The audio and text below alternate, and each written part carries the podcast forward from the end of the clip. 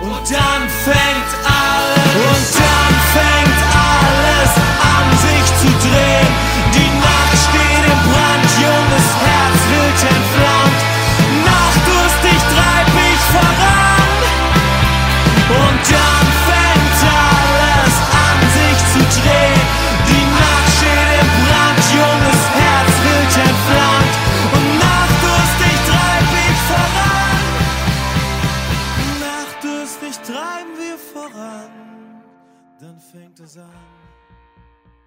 Hjärtligt välkomna ska ni återigen vara till Drycater Podcast. Eh, Efter en veckas uppehåll på grund av olika ting så är vi nu tillbaka med ett eh, väldigt, väldigt fullspäckat avsnitt. Eh, Med mig idag har jag bara en Erik, men det är min kära vän Erik Boldén. Hjärtligt, hjärtligt, hjärtligt välkommen tillbaka. Ja, tack så mycket. Hur mår du? Jag mår alldeles utmärkt. Jag har precis gjort sista arbetena nu i skolan inför lovet då, så det känns skönt faktiskt. Skönt det. Yes. Hur mår Falk då? Oj, wow, tack så mycket. Ja. Ehm, du, du lär dig. Ja, jag mår Ja. bra. Um, haft ledigt från jobbet ett par dagar nu, uh, vilket är väldigt Mm. skönt för jag har jobbat ihjäl mig mer eller mindre. Ehm, så eh, skrivit mycket. Um, pluggat en del faktiskt första gången på hur länge som helst som jag pluggar. Ja, Eh, jag, jag pluggar ju inte. Jag, jag pluggar officiellt men inofficiellt så gör jag inte det. eh, för att jag kan redan det mesta. Jag har en sån, ett sånt sinne bara. Men nu har jag faktiskt tvingats eh, plugga för att eh, det blev lite mycket eh, på en gång och jag fick, hade, inte, hade inte tid så jag fick helt enkelt plugga kapp och det, det hur lugnt som helst. Eh, Mm. Det gillar jag ändå. ja. Och just nu när vi spelar in så pågår ju också Bundesliga så att, ehm, Men vi valde att spela in idag delvis på grund av att idag är det inga bra matcher. ja men det får vi faktiskt säga. Det är... det är ju imorgon som alla bra matcherna är liksom. Eh, idag Precis. då för er eh, kära lyssnare. Ehm, eh, så ehm, ja. Men eh, jag tänkte vi skulle öppna det här avsnittet såklart då med ett litet svep. Ehm, ni har förhoppningsvis kommit över att vi har lånat det från andra podcasts nu så att eh, jag slipper säga det. Schnell, schnell, Kartoffelkopf! Hashtag Herrlich out. Dreiket derbyt slutade inte helt oväntat med en vinst för Falkfurt. Annars var det en ganska tråkig omgång i Bundesliga där Timo Werner, ja, han som inte ens är snabb tydligen, gjorde sitt nionde och tionde mål i Bundesliga den här säsongen. HSV är Habsmeister i Zweite Bundesliga. Köln hakar dock på efter ännu ett mål från Terode, 21 mål nu. Och i botten av Dritte Liga så vann faktiskt Braunschweig. Ännu bättre, de vann mot NG Cottbus. Och vem gjorde mål? Ha, Självmål. Så kan det gå för nynazister. Dynamo Dresdens fans, på tal om nynazister, är återigen i blåsväder efter osmakliga sexistiska banderoller igen och Eintracht Frankfurt supportrar, inte på tal om nynazister, tvärtom faktiskt, är anmälda till Uefa efter pyromani och bengaler i Rom. Okej. Vi har ju haft en eh, lottning i Europa, eller hur?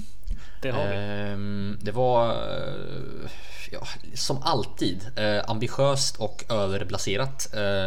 Ehm, Det är samma, sen är det samma sak varje år. Alltså, Ja. så här, alltså nej, liksom. De liksom plockar in någon, någon sån avdankad storstjärna visst, men ändå så här som, som okej, hej på dig.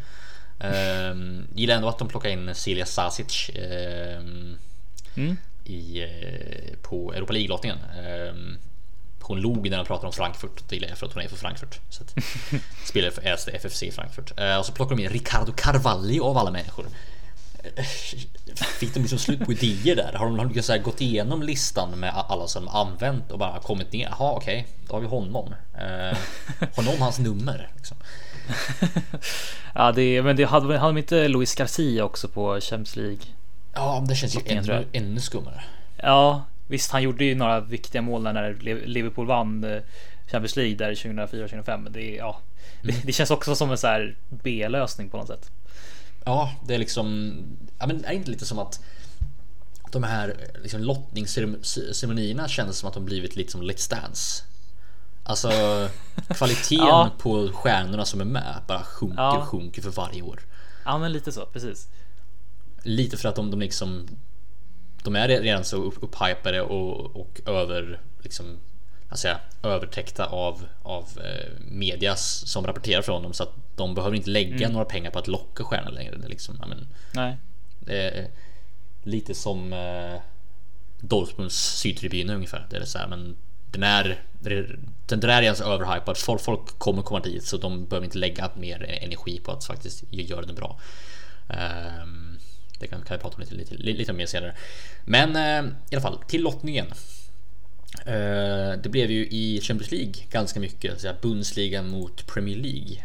Uh, ja, bara tre, i stort sett. Va? Bara, ja, precis bara. bara. Ja. alla tyska lag i Champions League fick engelska lag. Mm. Um, Eh, vad tror du generellt sett om eh, de tyska lagens chanser att ta sig vidare? Alltså vi kan väl direkt i stort sett stryka Schalkes möjligheter. Om man säger så. Mm, jag tror att Tedesco måste dra fram en slags 6-3-1 uppställning för att kunna chans mot Pep Guardiola. Ja, det, den blir ruskigt svårt. Ja. Men eh, alltså resten, alltså Bayern München och Dortmund, det är det, de är inte helt, där är de inte, verkligen inte helt borta, men det är det, det blir tuffa matcher tror jag. Helt klart. Mm. Det känns som att det kan bli två riktigt, riktigt intressanta kamper om inte annat. Mm. Um, men um, så, så, så här, vad, om vi ser bort från Schalke City som jag tror alla håller med om är en, en match som Schalke inte bör vinna om inte något Nej. extraordinärt händer. Speciellt mm. inte med tanke på deras säsong hittills. Nej, precis. Um, vad tror du vilka skulle du säga är favoriterna mellan Liverpool och Bayern München? Uh, just i, jag, jag, jag, tror nog lite som Appelqvist sa förut, alltså man tänker ju oftast att uh, Bayern München kanske är favorit, men just nu är det Liverpool. Uh, Liverpool är alltså ruskigt mer, ruskigt mycket mer stabila än vad de varit tidigare. Och det ser man ju, det ser man bara på ligan. Det är, de är obesegrade hittills. Liksom. Så att där, mm. där just så jag, jag ser nog Liverpool som favoriter. Och det, mm. det, är inte bara, det är inte bara för att jag är också Liverpool-supporter, men jag, jag, tror ändå många kan hålla med mig där. Så. Absolut, jo men jag håller helt med. Det känns med, men med tanke på att du är Liverpool-supporter, vad, mm. vad ska jag säga? Varför tror du att, eh, vad tror du nycklarna är för, för Liverpool i den här matchen eh, mot just Bayern München? Eh, alltså det är det, alltså, nyckel på något sätt har ju alltid varit, eh, alltså om man sett på matcherna, det har ju varit van Dijk och eh, alltså, vi ska ju se nu, van Dijk kommer ju vara borta har jag för mig nu första matchen eftersom han är avstängd på grund av kort där tror jag.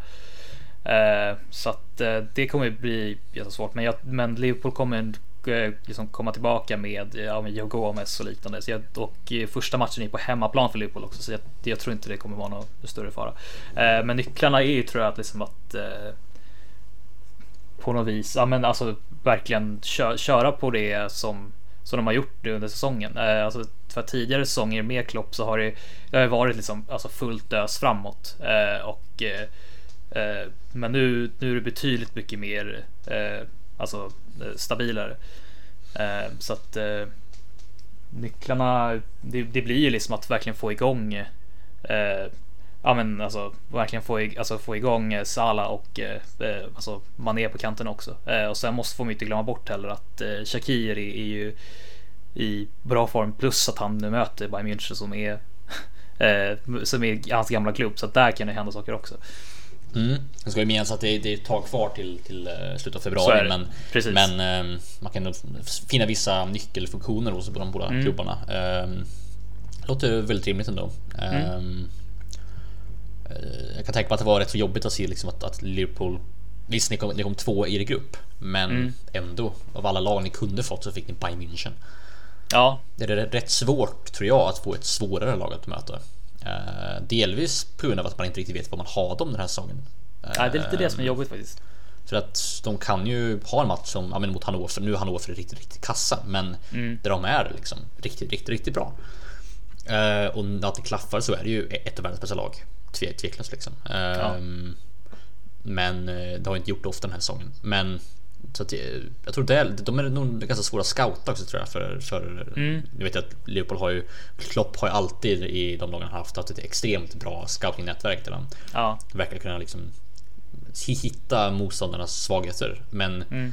jag tror att lite grann av Kovacs fördel här är att om han då får sitta kvar eh, är då att han inte riktigt har haft någon tydlig riktlinje med sin taktik. Han har varit väldigt flexibel, väldigt pragmatisk i sin taktik, vilket gjort att att jag tror det är ganska svårt att finna tydliga nycklar på vad som fungerar och vad som inte fungerar för både, för både Kovac och även vad som fungerar mot Kovac. Mm. Um, det tror jag han har en viss fördel. Um, Men alltså för Bayern så blir nycklarna hemmaplan definitivt. Jag tror att Ja, Alltså Liverpool är ju uppenbart bättre på hemmaplan men Bayern Münchens, Bayern München har ju en, en, en arena som jag tror generellt sett kan koka lite lite mer om de får till det än vad Anfield kan. För att Anfield må vara en superb arena på alla sätt och vis eh, en riktig liksom eh, drömteater mer än vad Old Trafford varit de senaste åren. Så är det ändå så att eh, Bayern München har ju kvar sin, sin ultimata läktarkultur. Och det har inte riktigt Liverpool på riktigt samma sätt. Nej, Eh, och där tror jag Bayern München har en fördel att de har en, en, en, eh, alltså en fanskara som, som är så inrotad och så, så genuint där för sin klubb oavsett vad. Vilket Liverpool kanske inte riktigt på samma plan har. Jag tror det kan spela roll. Eh, sett när de spelar på hemmaplan och är i underläge. Eh, men annars så kommer det bli en fruktansvärt fartfylld match tror jag. Eh, Ja, verkligen. Har en känsla av. Vilket såklart Dortmund Tottenham också lär bli. Men det är intressant det där. Det är intressant match eh, på alla sätt och vis. Det är ju, tror Kovac sa att det är väl typ det värsta Bayern kunde fått som gruppvinnare egentligen. Mm. Eh, Men just det, det finns så många matcher i matchen också. Om man tänker Ja. men må- målvakterna, Neuer, Alisson. Eh, alltså matchen där och sen även liksom alltså anfallssidan också liksom. Alltså Lewandowski och det liksom. Så att det Mm. Är, det är sjukt många sådana också vilket Precis. gör det spännande också. Mm. Alltså mm, Neuer har haft en bra säsong. Eh, Jag tror man luras av att han av att Bayern inte går så bra, men Neuer har varit jättebra. Har varit eh, faktiskt. Det är mest hans försvar som inte varit bra alls. Nej precis. Men visst, visst är det så. Alltså, vi har ju också matcher alltså, med, mellan ja, men då på allians då, mellan Lewandowski och van Dijk till exempel som kan Ja. bli synnerligen int- intressant att se vem, som vinner den. Mm. Um, kantspelet liksom eh, Robertson mot Kimmich på den kanten och även då uh, Alexander Arnold antar jag spelar som högerback mot eh, Alaba. Mm. Eh, för nu börjar Alaba och Kimmich också komma, komma igång. De har ju varit nere i skiten ett tag men börjar Precis. komma igång nu. Båda gjorde ju väldigt fina mål mot Hannover i förra matchen. Så att, eh, nej, det är en intressant match alltså, verkligen. Mm. Jag ser verkligen fram emot den här kampen. Mm. Jag kommer säkert verkligen bänka sig för dem. Se om jag kan se båda. Jag lär ju i Frankfurt någon, någon av dem tror jag. Men eh, Mm. mycket intressant. Ja, jag känner också lite, alltså lite grann med, alltså lite samma med Tottenham också, Tottenham Dortmund Mm. också. Att det är också en, två, det kan bli två riktigt så här, alltså det, kan nog hända väldigt mycket, alltså just på resultattavlan. Så det kommer inte bli, kommer inte bli så målsnålt känner jag. Nej, så är det ju alltid med Dortmund. Eller i alla fall den här Mm. säsongen. Uh, Känns det som. Oavsett vilka de möter så gör ju de i mål. Det är ju liksom. Ja, det är, verkligen. Det är en oundviklighet. Eller bara Mm. Atletico Madrid som har hållit dem borta tror jag. Ja, säsongen. Nej, Hannover också. Sjukt nog. Uh, Hannover också. Mm. det är helt stört. Hannover är liksom ja, men typ ligans sämsta lag den här säsongen. Ehm, och de lyckades i början av säsongen spela 0-0 hemma mot eh, Dortmund. Så men det är de, de lag som lyckats. Ehm, Mm. Och jag tror inte att Tottenham kommer att kunna göra det heller. Utan jag tror att, jag tror att Dortmund lär väl ses som favorit i den här matchen. Ehm, ja se- sett i alla fall om man, om man ser till eh, liksom eh, form. Liksom, Mm, absolut. precis. Hade man liksom sagt, hade man sett på alltså matchen, om man, om, det, om man vetat att den här matchen hade varit liksom tidigare, om, alltså in, inför säsongen, då hade man nog kanske sett Tottenham för man tänker ja Kane och Absolut. alla de här. Liksom, men men de, har, de har liksom inte kommit igång och fått till det lika bra som Dortmund. Liksom. Nej precis, precis. Speciellt i och med att Aubameyang hade lämnat och man visste inte riktigt var man hade Royce. Precis. Ehm, Man pratar ju om den här matchen i Spurs kretsar, i alla fall vissa Spurs kretsar, inte alla. Som att det här kommer bli liksom en... Att det här kommer bli ganska, ganska simpelt, vilket jag inte fattar hur man tänker då. Men Ja, det är man, farligt att eh, tänka så tror jag. Det, man, man slog ju ut Dortmund förra säsongen. Ehm, Mm. gjorde man ju. Nej, man, man mötte dem i gruppspelet gjorde man i Champions League. Ehm, ja, just det. Mm. Just det. Och va, man vann båda matcherna tror jag. Eller spelade lika en och vann men i alla fall. Och, eh, och då hade de ju Aubameyang tänker de då. Problemet man, man inte tänker på där är ju att Dortmund förra hösten, det var Peter Bosch. De hade inte vunnit sedan typ september. Ehm, De hade inte Marco Reus. De hade ett mittfält som var jätteobalanserat. Ett försvar som inte visste var de var. Ytterbackar som var gamla och, och som den här säsongen har varit hur bra som helst. En målvakt som var i- som djup ner i en slags psykisk skit. Så att alltså. Det här Dortmund är, är ett annat Dortmund. Det, det här är liksom Lucien Favres bygge med han har lyckats få ut absolut bästa av varenda spelare på, på plats. Verkligen. Jag skulle till och med säga att det här Dortmund är bra nog för att, för att kunna vinna hela Champions League. Som de har sett ut den här säsongen. För att man går inte obesegrat en halv säsong i Bundesliga. Det är jätte, jätte, jättesvårt att göra. Det är hur svårt Det är nog den, liga tillsammans med ja, men kanske Premier League som är svårast att gå en hel, en halv säsong ens obesegrad. Mm, Ehm, det är som för att all, alla lag slår varandra. Det, det är så. Ehm, Ja. Det är nog den, den, en av alla stora ligorna i, Europa som är så att alla lag kan slå alla. Man måste vara på 100-100% varenda match. För att kunna liksom, det finns väldigt få lag som kan gå en, en, en, en, en halv säsong, en, halv säsong, en hel säsong obesegrad. Det är supersvårt. Mm. Och Och, det- jag tror, eh, kan ju säga också att Sancho lär nog vara svintaggad tror jag. Mm, verkligen. Ehm, verkligen och sen så alltså, det är sagt det är, det är lång tid kvar tills dess och det kan ju komma formsvacka. Royce kan ju skada sig, gud förbjude. Men eh, om Ja. det ser ut som det gör just nu, Mm. eh, vilket jag hoppas att det gör, då håller jag verkligen eh, Spurs, eller Dortmund som favoriter. Ehm, också det att hemmaformen spelar in. Right, så. Alltså, Ja, hemmaform och att faktiskt ha en hemmaarena också. Spelar Jaha, alltså vet, vet, så, hur ser det ut med deras arenor? Det kom, jag, ma- ingen vet när de kommer spela typ. Nej, nej, det är, det är kul. Det är det. Ehm, det är kul. Och att Wembley liksom, Wembley alla säten är röda också. På något Ja, sätt. Det precis. Lite Det är märkligt li- också. lite roligt faktiskt. Um, Arsenal har vunnit fler. Har inte Arsenal vunnit fler titlar på Wembley än Spurs har vunnit matcher och sådär? Något sånt där. Det, det var så ett tag. Jag tror Spurs precis gick om den där grejen. Ehm, det var så ett tag. Ehm, och det är ju kul såklart. Speciellt för mig som Arsenal-supporter så är det bland det roligaste som finns. Ehm, så är det. Ja men Schalke City lär väl inte eh, finns någonting direkt att prata om där. Det känns så att det är ganska glasklart. Eller? Ja, alltså det, jag, jag ser liksom inte alls hur de ska kunna i. Alltså City kan ställa upp med liksom B-lag och vinna ändå. Tror du att uh, Tedesco riskerar att få sparken? Ja, alltså. Alltså möjligtvis. Det var väl snack om eh, alltså i det avsnittet som eh, vi, vi inte blev av med så Volin sa väl liksom att det var ganska mycket att de rensade ganska mycket i Schalke. Men det var mest med spelarna liksom. Men. eh, Men. Ja just det, det är kanske bara att säga. Eh, vi spelade in ett avsnitt förra veckan. Um, vilket är varför det inte, kom ut något avsnitt förra veckan. Men jag, eh, det publicerades aldrig av två anledningar. Dels var jag sjuk hela typ helgen. Um, så jag hade inte riktigt orken eller, eller tiden för den delen att uh, redigera. Och så ansåg jag inte att, att uh, avsnittet gjorde varken oss eller Volin någon, någon tjänst. Um, det var för hackigt. Uh, så vi, vi får göra om det helt enkelt i framtiden. Ehm, Men i det avsnittet så sa då Filip eh, bland annat att, att Schalkes problem är att de har rensat så mycket i truppen. Att det, det, är liksom, det är för, för tunn trupp helt enkelt. Ehm, Men jag tror vi alla var överens om att Tedesco inte borde få sparken. Har jag för mig. Ehm, Men jag, jag, jag tror inte heller han kommer få sparken. Jag, tror- jag tror inte han bör sparken eller kommer få sparken. För att när man tog in honom så var det ett långsiktigt beslut från Heidel. Precis. Och det är liksom Heidel är ingen tränare som sparkar tränare eller i, i, ingen manager som sparkar tränare till höger och vänster utan det är en, en som sitter och verkligen kollar på det långsiktiga. Och det behöver Schalke just nu. Man Ja, behöver det inte finns, det finns quick fix. så många andra faktorer som som inte han kanske kan ha kunnat göra någonting åt som inte fungerar. Liksom. Precis. Jag också att Wåhlin sa bland annat att Schalke håller på att riskera att bli nya HSV. Eh, om, om man inte liksom fixar det, de problem man har. Ehm, och ett, ett, en väg ner i den skiten är ju då bland annat att just sparka sin tränare för tidigt. Ja, Ehm, vilket är aldrig en bra idé.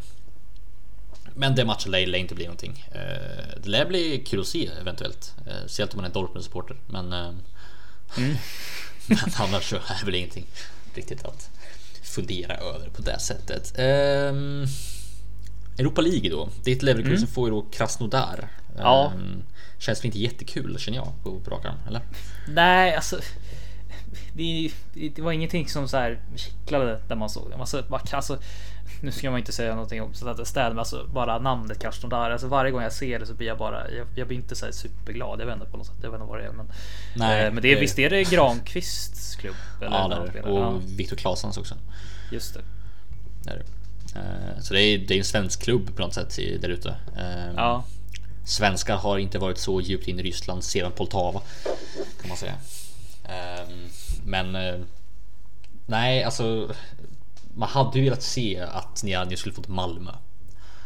ja, Ehm, men något av liksom precis. Det hade varit Ehm, betydligt mycket roligare. Jag menar, Frankfurt i Malmö ha- hade, hade, bara blivit jobbigt för att jag hade ju fått liksom gå runt och jag vet inte.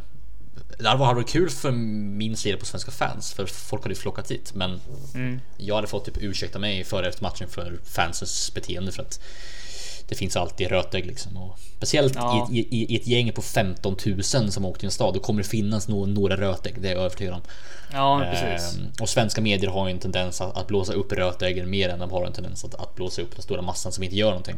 Mm. Så att man hade ju fått gå runt och ursäkta sig för, för sina egna fans. Så det hade vi. Ja. Jag, jag ser det hellre att vi, nästan hellre att vi, vi åker till, till djupa Ukraina och lirar fotboll än, än till, till, till Mm. mm. sävliga Malmö om man ska vara helt ärlig. Ja, för det är ju väldigt, är ganska enkelt att ta sig till, till Malmö också för, för Ja. Fast alltså, till ett sätt, det är billigare till Malmö såklart. Eh, Men jag tror att det är enklare att åka till Kiev. Det jag Ja, tror det är, matchen ja. kommer spelas. För att från Frankfurt kan man ta sig överallt. Eh, Mm. Liksom en av de största flygplatserna i Europa. Det är bara Mm. ett, ett flyg dit till Malmö. Det har varit till först Köpenhamn och sen därifrån. Det Mm. gått. Det har varit jättebilligt att göra men lite mer omständigt eventuellt. Jag vet inte. Ehm, Men eh, det hade varit kul att se dock. Men eh, Mm. Le- Leverkusen hade varit kul ändå eh, i Malmö. Hade Ja. ju du kunnat gå runt och lära dem en massa osmakliga ramsor om MFF. Det hade. Ja, verkligen. Det har man ju. Osmakliga, men några, några, ja, men några, några inte jättebra ord om Malmö har man. Ja, det har man ju. Det har man ju. Eh, Så är det ju. Jag, jag hade ju nästan förberett min, min, min svenska fans artikel om vi hade fått Malmö liksom. Eh, Mm. Typ jaha, nu ska du käka spettekaka här. Eller nå- någonting. Ehm, Gör en banderoll. Ja precis, spedekawa. Eh, Bara det. skänk Malmö till, till Danmark liksom. Eh, Mm. Hålla på. Ehm, ja, eh, och om du är Malmö-supporter och lyssnar på det här och, och håller, håller på att bli arg just nu. Så menar Ja, vi faktiskt det, det vi säger. Ehm, det gör vi faktiskt. Ehm, Skåne, ja, snapphanar helt enkelt. säga. Med kärlek. Jag, jag är faktiskt kvartskåning så jag, jag, jag säger med väldigt mycket självironi. Eh, säga. Ja, men jag gillar, alltså jag gillar det då. Alltså jag gillar Skåne. Vi, jag var på en liten tur kring, alltså i Skåne med familjen i somras. Så det var supermysigt. Men just, just Malmö FF, det, det är svårt. Mm.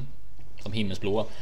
Ehm, är- är inte lite grann alltså, att, att, att, för mig att sitta och säga snapphanar och- åt skåningar. Är inte det lite grann och, och sen legitimera det med att jag är kvartskåning? Är inte det som att säga fula ord om, om svarta och sen säga men jag har faktiskt en kompis som är svart? Ja, men det är faktiskt. Är inte det lite, det- lite som Skånevarianten av det? Är inte det? Ja, precis. Så jag är egentligen jättehycklare vill Skåne. Visst, det kanske är. Jag, jag, jag tycker om Österlen och jag tycker om Ystad. Kan jag säga. Det är Mm. väldigt, väldigt vackra ställen. Kristianstad är väldigt vackert också ska jag säga. Ehm, men sen tar det bara stopp. Placera mig i Eslöv och jag kommer skära halsen av mig. Så enkelt är det. Um, Krasnodar i alla fall. Ehm, Mm. Vad tror du om den matchen? Jag, jag har inte jätte, jättebra koll. Jag vet att de är, Nej. det är ett ganska jobbigt lag att möta i Krasnodar i alla fall. Ja, det har det ofta svart liksom. Det, de känns som de alltid har. De, de är alltid med i liksom allting i Europa League eller så är de alltså, ofta, eh, så är de med i Champions League något, någon gång sådär liksom. Men eh, jag, jag kan inte säga att jag har jättebra koll på dem. Det kan jag inte säga. Eh, Men såklart chansen finns ju. Så jag tycker ändå det. Nu, nu hade ju Leverkusen en väldigt enkel grupp i och för sig, men alltså det, jag tycker det har ju gått bra. Alltså vi kom ju ändå etta i gruppen och eh, hade ändå några ganska stabila segrar så att jag tycker ändå och jag hoppas ändå på något sätt nu eftersom det går som det går i ligan så kanske de kanske vi ändå kan eh, fokusera lite mer på Europa League och kanske komma ganska långt. Mm. Jag tror att eh, om, om man som Leverkusen-supporter vill åka ner och se på Europa League så tror jag att det här finns en bra chans att få biljetter till. För att Ja, det känns ju inte spontant som en match, en, en sextondelsfinal i Europa League mot Krasnodar, att det kommer vara fullsatt på Arena. Tyvärr. Eh, Nej. Så det finns nog biljetter kvar där. Mm. Om du skulle åka ner till exempel. Eh, ja, ja men Jag- det ska jag faktiskt kolla på. Det, Jag ska ju ner på Frankfurts match. Ehm, Det Just kommer bli, det, det var ju slutsålt för en vecka sedan liksom, men mm, eh, en god kompis med lyckades få biljetter. Och, Mm. ehm, Tack tack gode, gode gud för det. Tack Alex Ja. Mayer säger jag bara. Nej men jag ska ju, alltså jag, jag, jag har inte varit på alltså just på alltså hemmamatchen. Jag var ju, jag var ju i början på säsongen. Eh, det. borta mot Köln, vilket gick ju som det gick. Men, eh, men jag har inte, inte varit på alltså, hemmamatchen så det måste jag ju faktiskt göra. Mm. Just det. Bort mot Köln var väl i våras va? Precis. Just det. Och Det var just det, var den... Alla, just det, det var den matchen. Ja, när han gjorde märkliga saker och fick rött kort och förstörde hela matchen. inte, ett, inte ett mål gjorde Leverkusen. Bernt Lehn gjorde väl någon tabbe också tror jag. Ja, herregud, hur mycket som helst. Så, ja, det var. Det var mindre kul första match, men det var. Fan vad, det var ju ändå kul att uppleva liksom första gången. Tysk fotboll eh, är alltid en bra upplevelse. Ehm, Ja, verkligen. Även Sandhausen faktiskt ska jag säga. Eh, Även Sandhausen. Ja, lite älskade Sandhausen. Ja, underbart. Frankfurt däremot fick ju um, Shakhtar Donetsk. Mm. Ehm, och ja. ehm, jag har ju faktiskt en jingel för mitt, mitt rant der Woche som eh, Eh, ett par på Twitter kallar det. Så att vi kan väl köra, köra igång i jingeln nu så, så, så, så får jag ranta lite grann om det för jag är rätt sur så ilsken över det ska jag säga. Ja, Frankfurt fick alltså Shakhtar Donetsk. Um, ehm, ja, vad kan man säga? Vad kan man säga? Vad kan man säga? Vi, vi vann alltså gruppen. Vi, vi tar alltså 18 poäng av 18 möjliga. Uh, mer poäng än alla andra tre lagen lyckades samla ihop tillsammans på sex matcher. Um, liksom, och vi gör det som första lag någonsin, första tyska lag någonsin i en Europaturnering överhuvudtaget. Inget annat tyskt lag någonsin gjort innan. Och så får vi fucking Shakhtar Donetsk som kom trea och misslyckades i sin inte enkla men inte svinsvåra grupp i Champions League. Och varför får vi det här? Ja, det är en bra fråga. Det är en bra fråga som behöver rota sig ganska så rejält. Jag känner så här. Är inte hela det här systemet att ett, ett lag som kommer trea i, i Champions League får spela Europa League utformat av Uefa för att sopa ur ännu mer pengar ur de utarmade småklubbarna som försöker och att ge ännu mer pengar till superklubbarna som någon gång ibland kanske misslyckas i Champions League och kommer trea. Säg att Juventus skulle komma trea eller säg att Manchester United skulle komma trea, vilket definitivt kan hända en säsong i Champions League.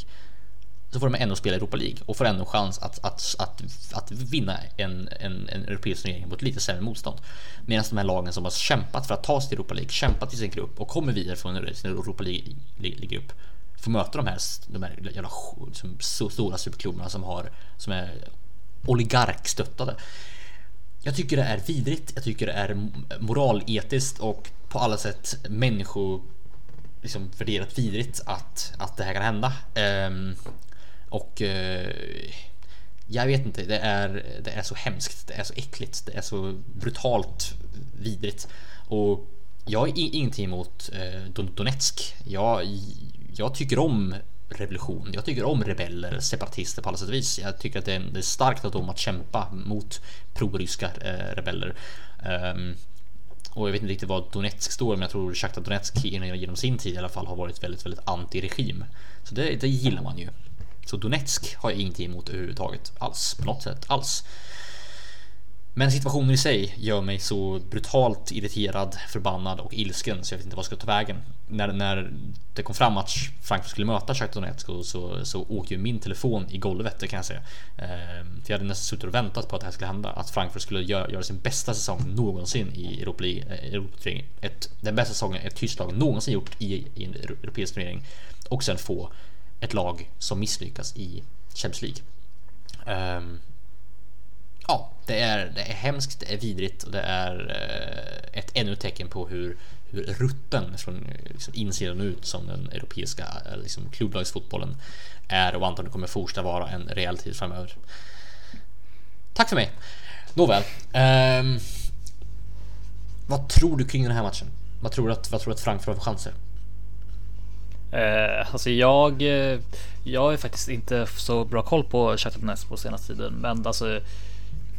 Jag skulle inte säga att det, jag skulle inte säga att, det, att de är, det finns inga jättestora favoriter, någon, någon av dem liksom så här, men eh, så att jag, jag tycker ändå, alltså Frankfurt med den ändå med den alltså, form av självförtroendevågen som ändå skapats under den här gruppspelet. Det finns en ganska god chans alltså, för att ta det vidare. Mm, det tror jag med. Det tror jag med. Ehm, jag tror nog att eh, Frankfurt har ganska stora chanser att ta sig vidare i Ja. den här matchen. Det är ändå... Alltså vi... Självförtroendet på, på många sätt och vis i ligan och i Europa League tror jag kommer, ge, kommer liksom ge oss en skjuts här. Ehm, och um, Shakhtar Donetsk är ju alltså ett väldigt bra lag. De, ehm, de har ju varit dominanta i sin liga väldigt länge. De vann ju sin liga förra säsongen bland annat. Ehm, men Satsar de fortfarande på mycket brassar och sånt där? Mm, en del. De har sagt det ganska Ja. mycket ungt också, vilket jag, jag Ja. gillar. Eh, Alltså, Shakhtar Donetsk är en klubb som jag på väldigt många sätt gillar. Alltså. Det, Mm. Jag ty tycker det är en ganska, ganska trevlig klubb. Mm. Ehm, som visserligen under sin tid har stöttats av oligarker, men jag tror de har mindre och mindre nu och satsar mer och mer på, på ungt. Um, Mm. Sinchenko i eh, City kom därifrån om jag inte minns helt fel och även Viktor Mm. Kovalenko spelar ju kvar där eh, som vi alla vet det antar jag. Ehm, de har ett antal fler liksom, väldigt intressanta ungdomsspelare som duktiga. Men de har en del defensiva eh, trubbel. Eh, Shakhtar Donetsk. Eh, Offensiven är bra. De har ju Paulo Fonseca som tränare. Spelare, han var ju tränare för Porto när Porto slog ut Frankfurt ur Europa League 2014. Eh, Ja, just det. Vilket är lite synd såklart. Eh, men Fonseca har skapat ett, ett lag som spelar väldigt, väldigt vacker, vacker fotboll.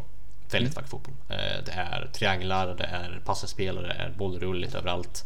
De skapar chanser genom att flytta på motståndare helt enkelt. En skickade på position och det gillar jag starkt. Ehm, så det är, ett, ett lag som spelar fotboll och Frankfurt spelar fotboll så det kan bli en högljudd match, fartfylld match, eh, mycket mål, mycket chanser.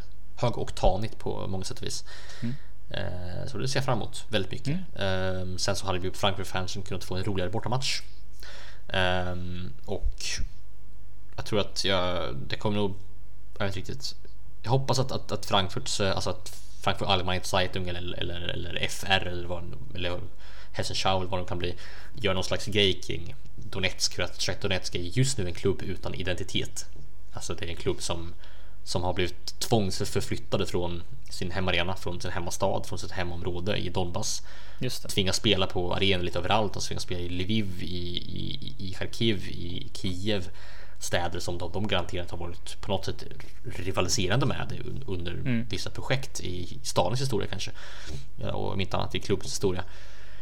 Får spela på, på sina rivalers arenor liksom. ehm, I Champions League och Europa League. Så det är en klubb som jag har sympati för på väldigt, väldigt många sätt. Ehm, så jag tycker att många fler borde uppmärksamma på grund av de har verkligen fallit offer för, för krigets hemskheter på så många sätt. Det ska bli intressant att gräva i om inte annat faktiskt inför matchen. Ehm, så att eh, det kan bli en intressant kamp. Det kommer det bli.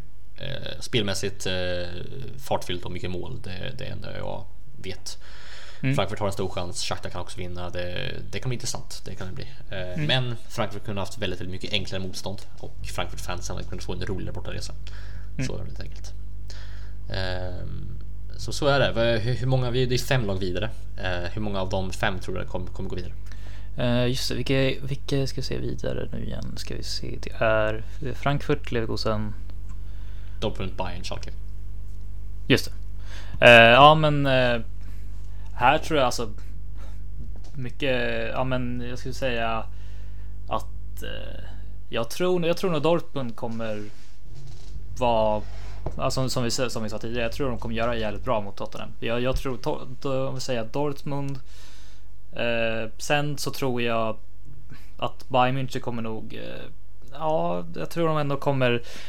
Det, det är väl Liverpool hjärtat som säger det, men det, men alltså det, jag tror ändå de kommer få. Alltså, det, de kommer ha, sn- snubbla på mållinjen tror jag mot Liverpool. Eh, så att det blir väl. Jag skulle säga Dortmund, eh, Leverkusen, Frankfurt. Mm. Tror jag. Yes. Jag tror ett lag går vidare och det är Schalke. Skämt åsido. Det hade, att, det eh, hade nästan faktiskt varit roligt. Det hade varit Det- sjukt. Det Då hade jag faktiskt hejat på Schalke. Ja, det hade gjort. Men eh, jag tror 3 3 eller 4 lag går vidare. Ja, det eh, det blir Frankfurt, Leverkusen tror jag går vidare båda två. Ja. Eh, tror jag att Dortmund går vidare. Mm. Och sen då är det då Bayern München om de, om de lyckas få ta sig, ta sig själv samman helt enkelt. Så Ja. Mm. har de en chans, definitivt. Eh, stor chans. Gör de inte det så gör de, kommer de inte- de inte gå vidare. Utan det är väldigt, väldigt beroende på hur vintern går och hur de här, eh, hur Kovac, eh, om, om man får stanna för det första också. Eh, Mm. Så att det, det kan bli intressant. Det är, det är ändå två månader kvar så att mycket kan hända men det är tre eller fyra lag. Och Mm. Det verkar vi vara ganska överens om så att det låter det bra. Ja, sett till, eh, sett till så här, alltså, roligare bortaresor, vad hade varit drömmen för er känner? Svårt alltså. Um, alltså London hade varit kul att in- invadera såklart. Ja. Men jag tror inte vi hade kunnat göra det. Alla, Nej, alla lagen var i samma Sirius-grupp. Mm. Um, det hade varit kul att invadera annars men alltså Zürich hade varit kul. Um, Mm. Tror jag. För bortfansen. Um, det hade varit Frank, alltså Rennes hade man kunnat få. Ja, just det. Um, åker ner fullkomligt bombarderar uh, Rennes. Um, Mm. Så hade svenska fans, kära John Cederblad, fått se på fan där nere ska jag säga. Um, har vi mer? Ja, Betis, men det var också samma tidningsgrupp tror jag. Det hade varit kul om han så åker ner till Sevilla och dundrar in Ja. eh, med 15 000 man ehm, som ett annat världskrig. Men ehm, det är väl någon av dem liksom en, en större stad i Centraleuropa. En civiliserad stad kan man säga eh, mot, mot ett lag som har en klar identitet i sig själv lite grann. Det hade velat ha. Ehm, men spelmässigt tror jag Donetsk är väl bland, bland de roligaste Frankfurt kunde få tror jag. Ehm, Ja, men det tror jag absolut. Definitivt, så det kan bli intressant. Mm. Ehm, ja, men Le- Leverkusen fick liksom Krasnodar så det är väl inte riktigt. Det är väl ungefär lika illa som bortaresa egentligen. Ehm, Ja, det är ju, jag vet inte riktigt var Krasnodar ligger. Det ligger långt in i Ryssland i alla fall. Ligger. det. ja det känns som det. Det gör det. Ganska nära Ural tror jag. Jag vet Mm. inte exakt. Ja, min, min ryska geografi är tyvärr lite, lite sådär. Ehm, det hade kunnat vara bättre. Jag kan nog peka ut var Leningrad och Stalingrad ligger på kar- kartan. Nej just det, sorry, de heter inte så längre. Ehm, ja. Ehm, ja, vad har vi mer att diskutera? Jo, vi har ju såklart Bundesliga. Ehm, Mm. Vi har ju vår match, bland annat Dreikete-derbyt. Och det kommer ju till Dreikete-derby i helgen. Ja, det är bara att köra på helt Ja. enkelt. Bayern mot eh, Frankfurt spelar ju på Ja. lördag. Och i söndag så spelades matchen mellan Frankfurt och Leverkusen. Ehm, vad, du såg andra halvlek förstår jag i Leverkusen Mm. Yes. mot Frankfurt. Vad tyckte du om andra halvlek? Eh, det är... Det är... Jag, jag man- jag, på något sätt så liksom... Man typ förtränger ju när, när det går... När det går så dåligt, när det går liksom dåligt, men alltså hur, hur det såg ut egentligen. Men eh, jag tycker ändå det, alltså, det var så jävla frustrerande för jag tycker ändå Leverkusen hade väldigt farliga lägen där vi väl kom till alltså lägena. Så att det fanns ju ändå så här eh, chan, alltså, chanser att verkligen gö- göra någonting av matchen. Men när, de inte, när chansen inte utnyttjas då är det ju liksom då går, då går det inte helt, enkelt. Eh, så att eh, det var ju det var någonstans där liksom eh, att ni, jag tycker ni, ni, ni hade liksom betydligt liksom bättre anfallsspel. Ja, jo, men det, det det jag hört också. Jag, jag, jag såg inte matchen, jag jobbade men eh, Mm. det såg, utifrån vad jag har förstått, så var det på många sätt och vis en Alltså rättvist resultat. Ehm, spelmässigt i alla fall. Chansmässigt var, verkar också varit mer eller mindre. Frankfurt hade ju chanser att, att döda matchen helt enkelt. Mm. Eh, att Rebic hade en chans bland annat. Eh, Luka Jovic också har jag för mig. Men jag tycker det, det blivit lite grann symboliskt med Frankfurt de senaste veckorna. Lite grann med de problemen som vi ändå haft faktiskt eh, under de senaste två, tre veckorna. Att vi har problem med att förvalta våra chanser. Vi kommer till Mm. massa chanser. Vi har ju spelare som är så kreativa så att det skulle räcka med, alltså vi skulle kunna fylla ett helt Uffizi med, med, liksom med vack- vackra målningar på grund av deras kreativitet. Mm. Men vi lyckas inte riktigt göra någonting av dem. Um, vilket är lite jobbigt. Vi lyckas inte liksom sälja målningarna till någon, någon eh, köpare, vilket är lite jobbigt. Eh, så att eh, de liksom lämnas hängandes där i Uffizi för folk att beundra, men vem fan orkar åka dit? Um, väldigt skev metafor, men du förstår säkert vad jag menar. Ehm, liksom, Luka Jovic hade en chans, sen missade han. Ante Rebic har varit jättedålig framför mål. Däremot så är han väldigt, väldigt bra eh, i spelet annars. Det, det är positivt. Ehm, men ah, det är sånt som händer liksom. Vi har ändå Sebastian Haller som nu är uppe i tror jag, 11 assist eller någonting i Bundesliga. Um, Ish. Ehm, vi har liksom, om det, då är det också bra att, att andra spelare kliver fram. I den här matchen gjorde ju Danny da Costa och Filip Kostic mål. Såklart, Ehm, Danny, såklart da Costa i mål. Det Ja, man precis. Det är precis. Mot sitt, sitt, sitt gamla lag, eh, sitt, Mm. sin barndomsklubb. Ehm, Ja. Och han, eh, han har haft, han varit hur, bra som helst den här säsongen så han har ju förtjänat det. Men Mm. det, det är bra då att andra spelare kliver fram, eh, vilket är helt rätt. Sen Mm. så skrev ju tre nya spelare på kontrakt efter matchen också. Eh, Makoto Hasebe skrev på nytt kontrakt, Marco Rus Mhm. skrev på nytt kontrakt och Gelson Fernandes, det vill säga tre stycken spelare över 30. Hasebe är 34 tror jag, 35 nästa, nästa år. Uh, Rus är 33, 30, 34 nästa år och Gelson Fernandes är väl 31 tror jag. Mm. Så det är ju, man satsar ju på man väljer att förlänga med ett år då, så att deras kontrakt Mm. är 2020 istället. Mm. Ehm, Riktigt smart. Mm. Ehm, Det är det. men eh, Ja, alltså Heiko Herrlich bevisar ju återigen så otroligt stor brist på alltså, bra matchcoachning igen. Mm. Med sina startelver och eh, man vet inte liksom hur han tänker alls.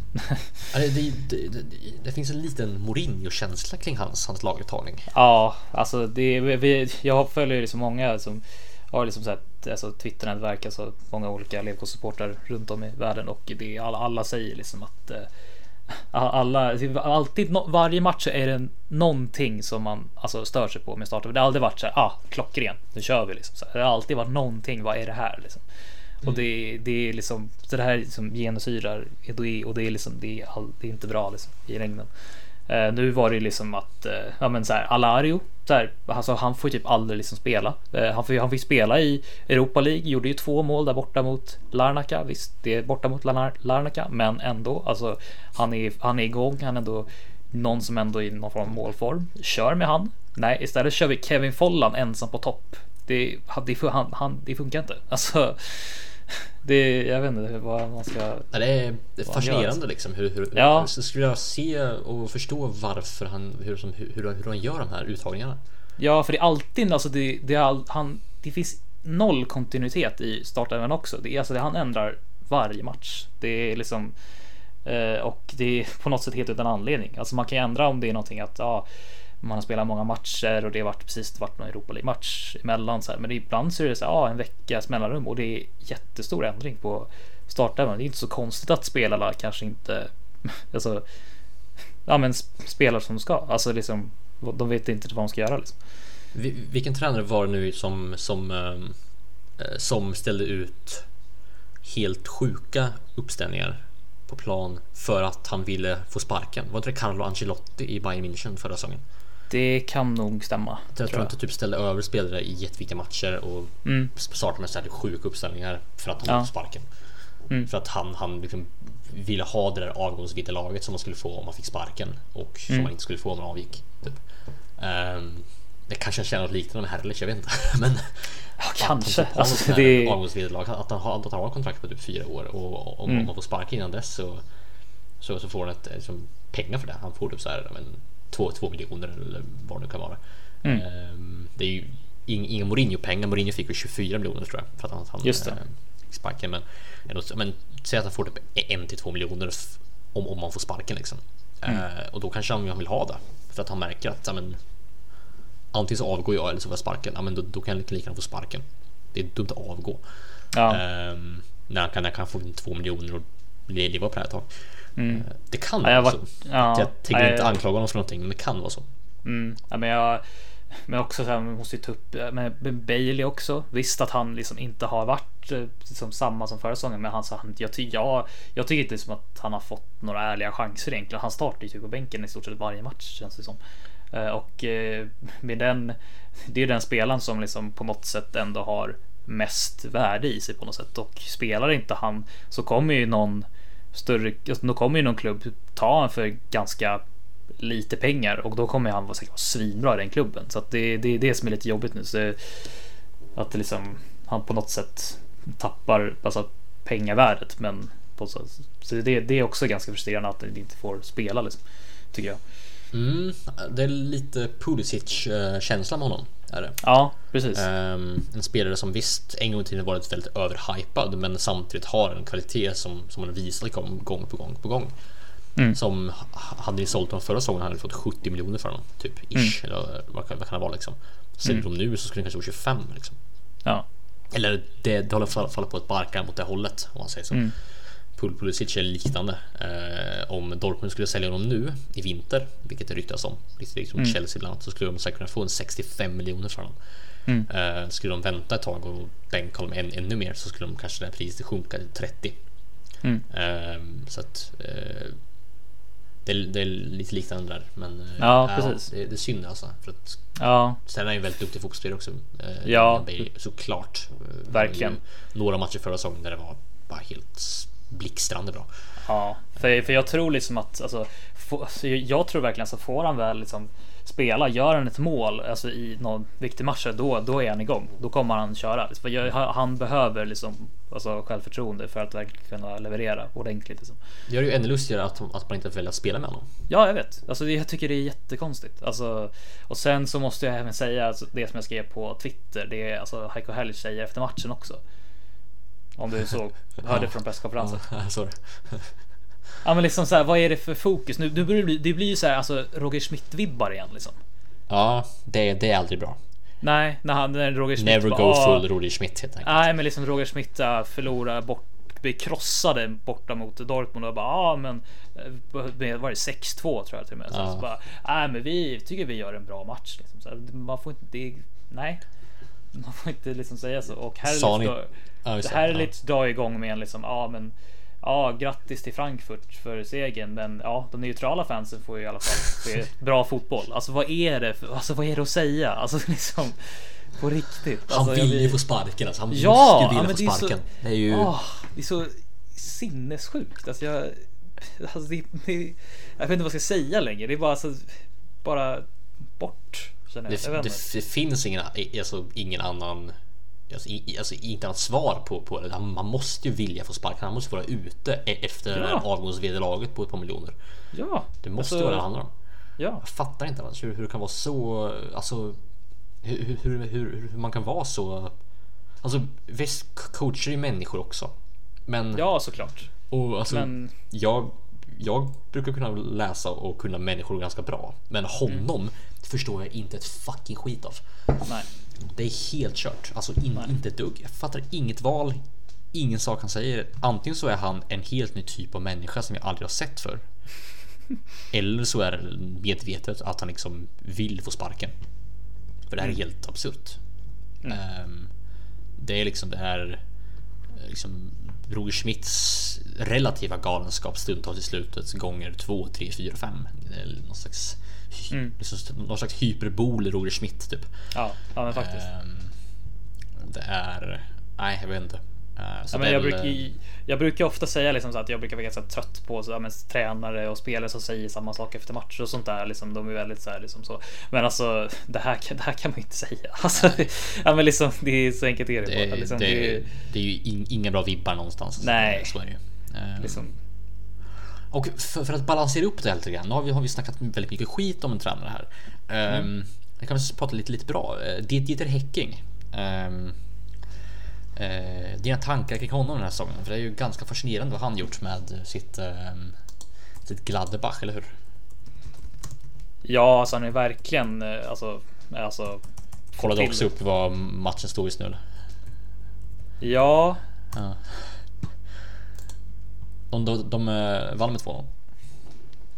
det gjorde Inte de. helt just. oväntat. Mm. Nej, nej, de kör ju på och eh, ja, eh, Torgan Hazard och Playa gör ju mål. Det, att Playa gör mål är ju inte jätte liksom, eh, Oväntat. eh, oväntat precis. Eh, och eh, ja, eh, han, han, kör ju, han kör ju bara på helt enkelt. De är, det, som vi snackade förut, de känns som väl, han har ju fått till ett jävligt stabilt lag just nu. Liksom.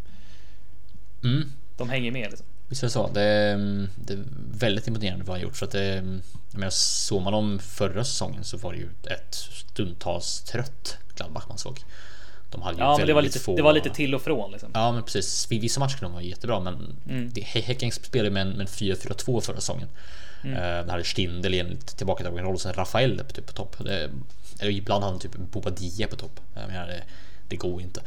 Nej. nu har han ju liksom, nu har vissa dem de har värvat smart. De har plockat in Neuhaus, uh, plockat tillbaka honom från Düsseldorf.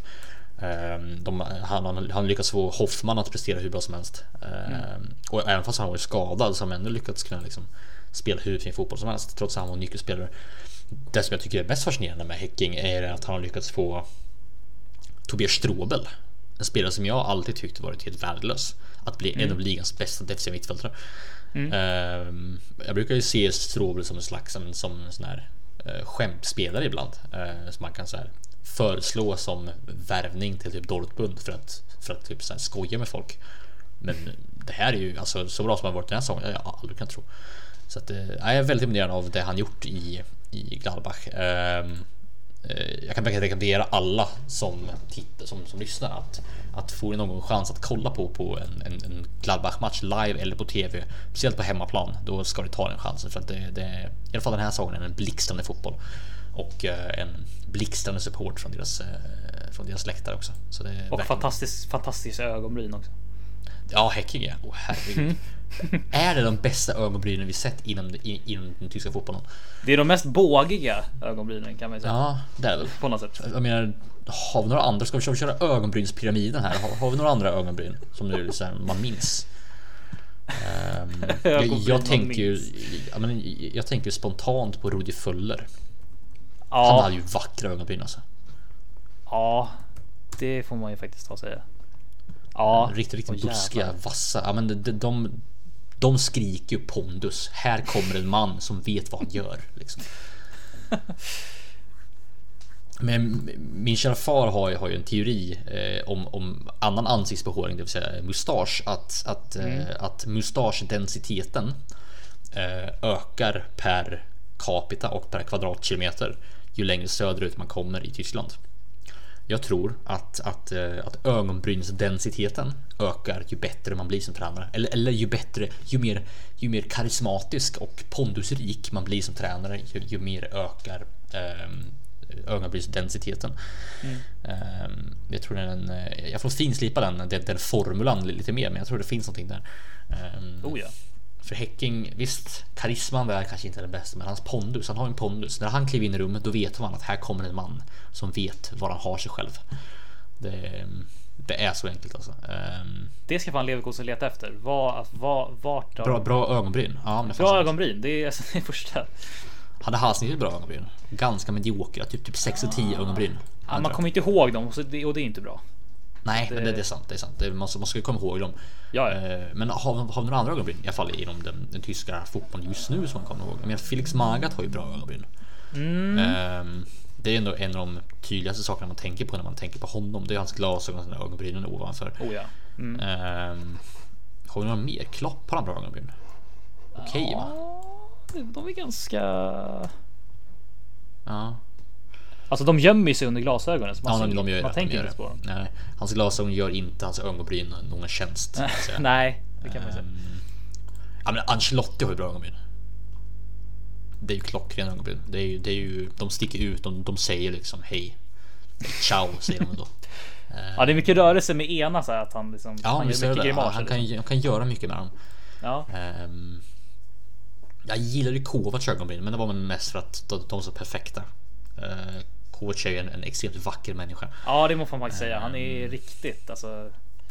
Det är också, är, är också för att han är välklädd, men det är alltså han är ju, Ja, han är ju bra. Det är bra frippa. Det är mycket liksom som är bra. Liksom. Han har ju en slags så här, så här kroatisk gangster-aura kring sig. Ja, Så- jo, Balkanmaffia liksom. Det är någonting där som bara känns liksom. Ja. Eh, men jag vet inte. Uh, för att han, han liksom tittar på det iskallt med sina vack, vackra ögonbryn och sen så kommer någon bakifrån och liksom tar dig bakifrån. Nej, inte oj, oj, nu lät det väldigt fel. ja, det ja. Ehm, tar dig runt halsen bakifrån såklart inte. Ja. Åh herregud. vad, jag bara, vad händer nu? Var, var går vi ner? Och jag trodde vi var ute på hal is förut. Shit. Wow! Ja. Yes! Nåväl.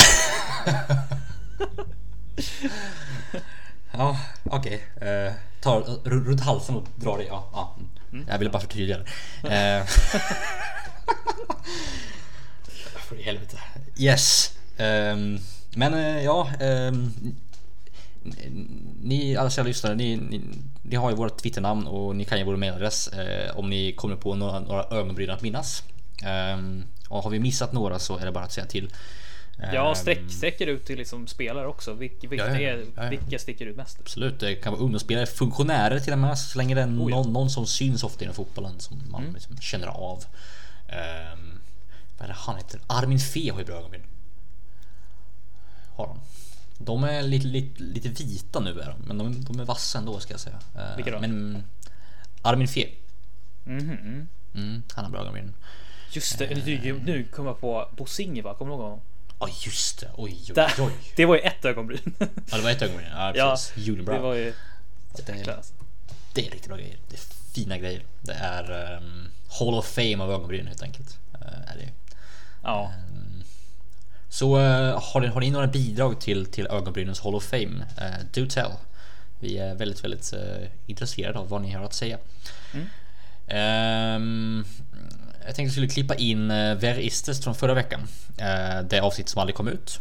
Ehm, och eh, så spelar vi också som outro då, låten som vann för att den, den är värd att spela. Eh, så vi Oh, klipper ja. in den. Ja, den är verkligen värd att spela. Eh, så vi klipper helt enkelt in den här då. Wir spielen Wer ist das? Under hela sin uppväxt spelade han i SV Au- Auersmacher, bara en utspark från världs världsmästarlandet. Spelar han där hela sin Eh, karriär? under sin uppväxt. Ja, så Under hans uppväxt, moderklubb. okej. Okej. Är det Podolski? Nej. Nej, okej. Auersmacher låter som Österrike. Det skulle kunna vara. Um, tänker Salzburg eller någonting. Mm, nej, jag tror inte jag har någonting. Nej, ingenting. Volin? Nej, jag vidare. Ja, då kör vi vidare. Eh, tydligen ska personen i fråga väga 75 kg. Eller borde jag säga 750 HG? Va? Är det Mm. en ordvits? Eh, förmodar kan det. hända kanske. Nej, jag kan inte ta det i alla fall. Nej, det är Okej, stilla Ja. här också. Nej. alright. Eh, 2010 fick han till slut chanser i en betydligt större klubb och efter två år i u laget blev han uppflyttad till A-laget av Holger Stanislavski. Nej, det är fortfarande helt blankt alltså. Stanislavski gillar jag i alla fall inte för han är St. Pauli. Men... Mm. Vad sa du, 2010 blev han uppflyttad? Eh, han, fick, han, fick, eh, han började spela i, i den stora klubben och, i- och i u laget och sen 2012 blev han uppflyttad i A-laget. Är Gregoric? Nej. Han. För han är Österrike, de var i St. Pauli men... Eller var han det? Ja, jag tror de var i St. Pauli. Ett tag. Gregovic, han Typ. var väl utlånad där tror jag. Ja, det var de kanske till och med. Uh, uh, uh. Nej, då får ni ta nästa för mina... Ja, Jag klarar klubben i alla fall. alright. Eh, med tanke på hans nuvarande klubbadress så borde jag egentligen inte gilla honom. Men det går inte att komma ifrån att säga att han är, han är, är ju en väldigt bra vänsterback. Ja, jag tar det, jag tar det, jag tar det. Är det Jonas Hector? Yes. Jag satt den. Ja, Starkt. snyggt. Fan, Ja. bra jobbat. Du behöver ju inte spela dubbla outro-låtar alltså. Nej. Nej. Vilken, eh, vilken får det då vara? Jag antar att ni kan uh, jag. ta och kommentera från Youtube. Ja, men det tror jag. Ja. Då vill jag höra Fritz, F-R-I-T-Z med Thüringer Klöse. Och det är väldigt synd att man inte kan se videon till den får man själv söka upp. Men det är ju en otuktad tysk pojk som sjunger om en eh, tysk maträtt och videon är väldigt bisarr men eh, Ja, jag, tycker det, jag tycker låten den gestaltar det mesta med Tyskland och jag blir glad av att höra den. Så därför tycker jag att den ska spela sin podcast som, eh, som behandlar tysk fotboll och Tyskland överlag. Mycket, mycket bra val. Ehm, Ja, yes! med, Fritz. med facit i hand, fattar ni den andra ledtråden? 750 HG. Nej, det får du Mm. Hek- Jag tänkte typ att det var så här 750 matcher eller någonting. Nej, 750 hektogram. Hekto. Hektor. Ja, Ja. just det. Jaha. Åh, Ja, herregud. nej, det här är, det här Ja, är det, var, det var ju inte lätt men... Nej. eh, Det är min nivå på den där. Det är så, Ja. så illa faktiskt. Uh, först, han, han är född där, eller han, han har spelat i... Vänta, vänta. Ett stenkast från en- det världsmästarlandet. landet. Ja. Eller- Frankrike. Så han... Ah, okej. Åt det hållet. Okej. Okej. Right. Och spelar i Sankt Pauli också? Nej, han, han spelar ju... Nej, inte Sankt Pauli. Vad fan tänkte jag med? Varför Eh, Sankt Pauli? Ja, Stanislavski var ju- coach i ja, men ett år i Köln. Okej. Det var då han kom upp. Han spelade hela, hela sin, sin karriär alltså? Ja, sen han kom från Ja. den här moderklubben som han spelade där. Ja. Ja. Ja, han är ju Wow. mer eller mindre one man. Eller one club man. Häftigt. Ja, Sista ledtråden. Jaha, äh, här fick jag slut det på idéer så vad skriker jag om det. Men eh, ja, eh, trots att det åkte ur Bundesliga förra året så skrev han på ett nytt kontrakt med jätterna längs Rhinfloden. så det var bara vanligt bara. ja. Jaha. Ja, det hade... Jätterna. Ja, nej det... Det var ganska givet då. Ja, jo. Det är det ju. Nåväl. Grattis tack. Ehm, underbar låt, lå- låtval också. Ehm, ja, alltid bättre än eh, när det blir li- lite, låt säga, obskyra grejer. Har du hört det Ehm, förut? liksom. Jag har inte hört det förut. Nej. Det kan redan nu. Du, du litar på mitt omdöme alltså? Jag litar på Ja, att det den gillar kommer jättebra. Ja, den, alltså, ut, utifrån vad du berättar om den så känns det ju som att den kommer falla mig i smaken. Jag kan lova dig att du kommer älska den. Nej, det kommer dimpa in på min Spotify-lista snart. Eh, Över sjuka grejer. Thüringer Klösse. Eh, Ni kommer att inse vilken, vilken, eh, vilken bandit det är när den stjäl era hjärtan. Och glöm inte Ehm, att kolla in videon också. Ja, videon är fantastisk. Genuint kolla in videon. Det är, ska jag ge er ett tips någonsin i mitt liv så är det kolla in den, den videon för det, jag kommer aldrig ihåg den. Ni, ni kommer nog drömma mardrömmar om den, det är jag övertygad om, men ni, ni, kommer, aldrig, ni kommer minnas den. Det är, den är värd att se. Värd att uppleva på, ehm, på alla sätt och vis. Gärna storbilds-tv till och med. Gör, gör det ännu bättre. Ehm, Och bra ja. surround-ljud. Ja, verkligen. Ja, det, det måste det vara. Det måste det vara. Man måste verkligen höra, liksom, hö- höra dragspelet i, Ja, ja. runt den. Eh, och se hans, hans glugg mellan tänderna. Eh, det är viktigt. I HD. I HD. I och för sig, så är inte HD-bild på den videon kanske. Men Nej, det är det inte. Eh, man kanske kan försöka frammana det på något sätt i alla fall. ja, Ehm, så eh, kolla in den där istället. Så ehm, ja, eh, vi kan avsluta med att bara kort, kort, kort, kort prata lite grann om eh, Dreikete-derbyt nästa helg. Vad tror du om eh, Frankfurt mot Bayern? ja, vi pratade lite om det innan. Alltså, det kan bli en. eh, Det, det kan bli riktigt, riktigt bra match. Visst är det Frankfurt som har hemmaplan? Mm, Det, vi, ja, Ruskigt högljutt. Ehm, ja, verkligen alltså. Frankfurt möter ju Mainz imorgon, bortaplan. Mm. Och Bayern möter ju Leipzig på hemmaplan. Ehm, så att det är ju Vinner Leipzig mot Bayern imorgon så, eller ikväll för er som lyssnar så kommer det bli eh, ja, Eller tar de poäng? Jag skulle säga att tar inte Kovacs i alla fall fyra poäng under de här senaste två matcherna så kommer han få sparken i, januari.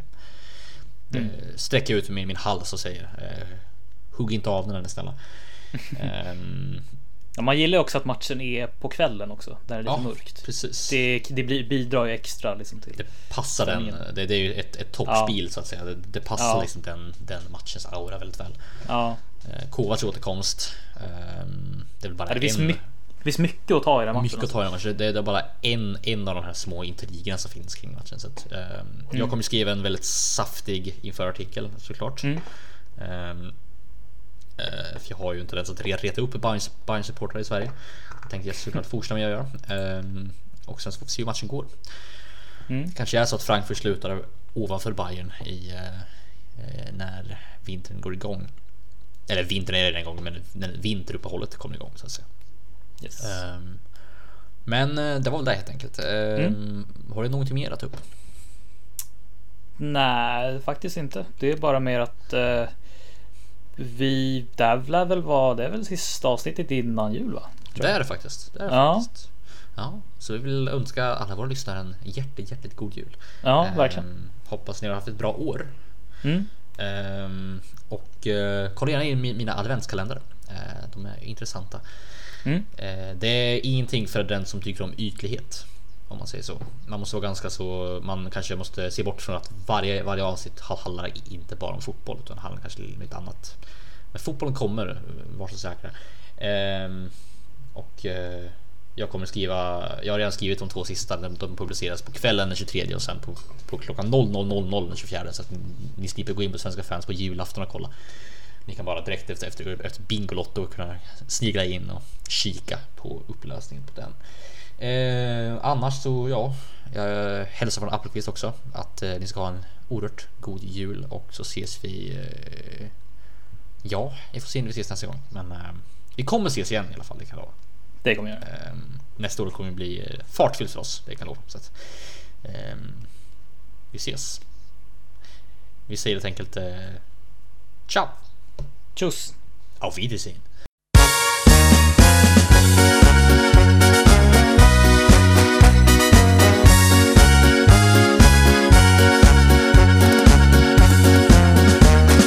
Fragt man mich, was isst du gern, da kann ich Antwort geben. Für Klöße geh ich meilenweit, na klar, es schmeckt mir eben. Kocht das Wasser auf dem Herd, ist bitter mir egal. Denn was auf meinem Teller dampft, ist allererste Wahl. Thüringer Klöße, die mag ich sehr. Sie schmecken mir am besten, egal wo ich auch gibt, muss ich sie testen. Ich bin danach ganz süchtig. Die Klöße sind mir wichtig. Nicht Döner, nicht Spaghetti, nein. Thüringer Klöße müssen sein.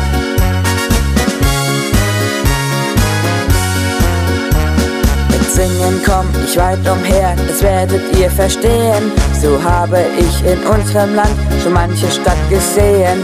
Natürlich habe ich überall das Angebot studiert und alles, was nach Kloß aussah, ganz kritisch ausprobiert. Thüringer Klöße, die mag ich sehr. Sie schmecken mir am besten, egal wo ich auch immer bin. Wenn's Klöße gibt, muss ich sie testen. Ich bin danach ganz süchtig. Die Klöße sind mir wichtig. Nicht Döner, nicht Spaghetti, nein. Thüringer Klöße müssen sein. Thüringer Klöße, die mag ich sehr. Sie schmecken mir am besten, egal wo ich auch immer bin. Wenn's Klöße gibt, muss ich sie testen. Ich bin danach ganz süchtig. Die Klöße sind mir wichtig. Nicht Döner, nicht Spaghetti, nein. Thüringer Klöße müssen sein. Thüringer Klöße müssen sein.